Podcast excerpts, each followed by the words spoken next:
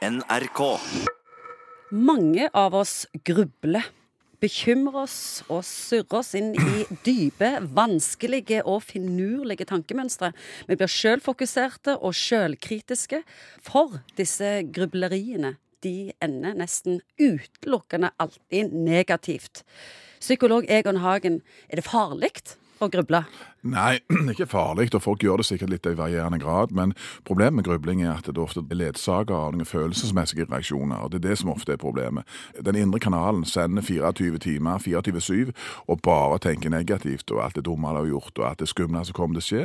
Så klart du får en sånn følelsesmessig grunnstate som er preget av det, og som er negative.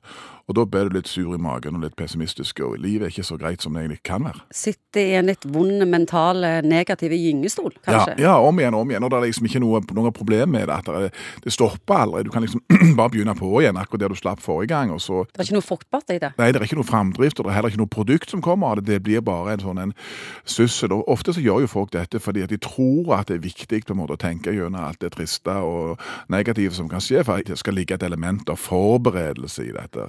Og så vet jo meg og deg at når ting går skikkelig dårlig, så er det som regel at du får deg en kilevink fra et helt annet hold enn det du hadde grubla og planlagt på.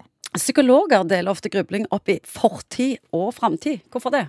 Ja, for folk grubler enten over gamle nederlag eller krenkelser, en eller annen urettferdighet som du har vært utsatt for, og så tenker, ligger de der på kveldene gjerne og tenker på nå skal jeg bruke mye tid å tenke på dette.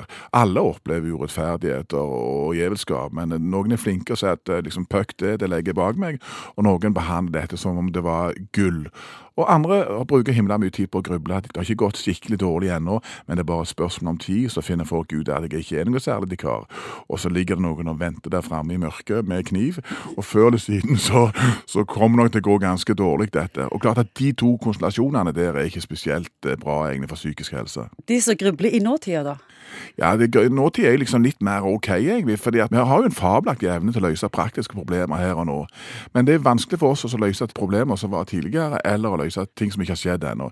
Men vår egen evne til faktisk å håndtere og be om hjelp og ordne opp når ting skjer, den er helt strålende.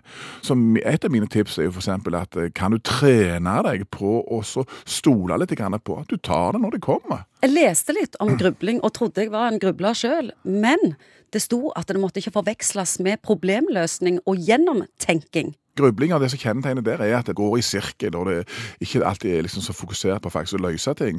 For da skulle du tro at når du hadde løst det, så legger du den saken vekk.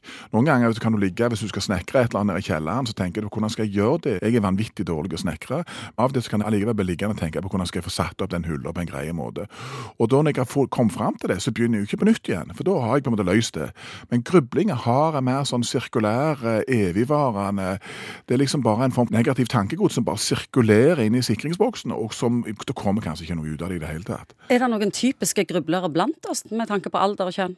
Ja, det vet jeg ikke. Det, det er jeg opptatt av. at går, Hvis du har en sånn disposisjon til liksom ikke komme over ting og bli veldig flink på å tenke på gamle negative ting som har hendt, eller skumle ting som ligger der framme, så går det faktisk an å trene seg på å bryte de tankene.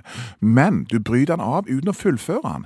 Mange tenker at jeg må fullføre tanken, og så kan jeg eventuelt ikke gjøre det en gang til. Bare stopp med en gang. Med en gang du opplever at nå er jeg på den samme rock'n'roll, kjipe tur, tanketuren igjen som jeg har gjort så mange ganger før, så bare stopp. Finn noe annet å tenke på. Ja, finn noe annet å tenke på. De Distraher deg, kom ut av det. Fordi at det som skjer, er at hele den psykologiske virkeligheten din tar farge av dette. Og hvis du går og, og, og vasser opp i all denne negativiteten, så blir dagene dine mye kjipere enn det det trenger å være.